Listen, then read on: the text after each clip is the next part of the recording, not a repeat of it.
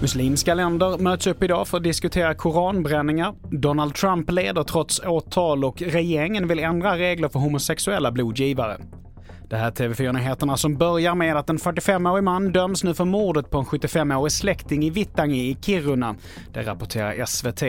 Det var i januari som 75-åringen hittades död i sin bil och en viktig pusselbit för tingsrätten som kom fram till en fällande dom var offrets egna bilder. Mannen döms till 16 års fängelse.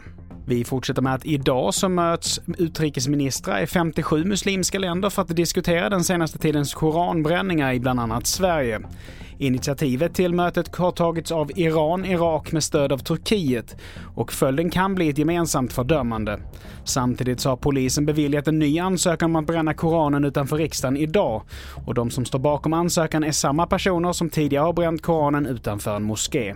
Så här säger vår utrikeskommentator Bosse Lindvall. Förmodligen landar de i ett fördömande. Det här lägger ytterligare en, en press på Sverige, ytterligare uppmärksamhet så att, som når muslimer över hela världen. Så att det, det är negativt och det, det underblåser eh, den trend som redan finns i den muslimska världen mot Sverige och även Danmark. Så till USA där trots två åtal så leder före detta president Donald Trump opinionen med mindre än en månad kvar till den första primärvalsdebatten.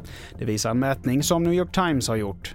Enligt mätningen har han 54 procent av de republikanska rösterna och han är den mest populära kandidaten i alla väljargrupper. Till sist, regeringen vill ändra reglerna för blodgivning så att homosexuella män får ge blod på lika villkor som kvinnor och heteromän.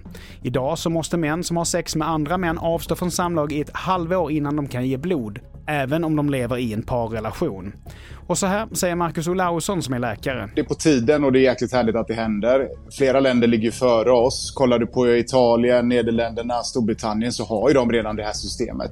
Vi har ju kontinuerligt blodbrist i olika delar av Sverige. Och tittar du statistiskt sett så går ju liksom eh, blodgivarantalet ner. Så det behövs ju fyllas på och då är det här väl en superbra eh, åtgärd för att kunna öppna upp för fler människor att lämna blod. Fler nyheter hittar du på tv4.se. Jag heter Mattias Nordgren.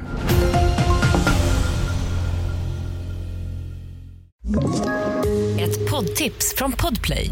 I fallen jag aldrig glömmer djupdyker Hasse Aro i arbetet bakom några av Sveriges mest uppseendeväckande brottsutredningar. Går vi in med hemlig telefonavlyssning och, och då upplever vi att vi får en total förändring av hans beteende. Vad är det som händer nu? Vem är det som läcker?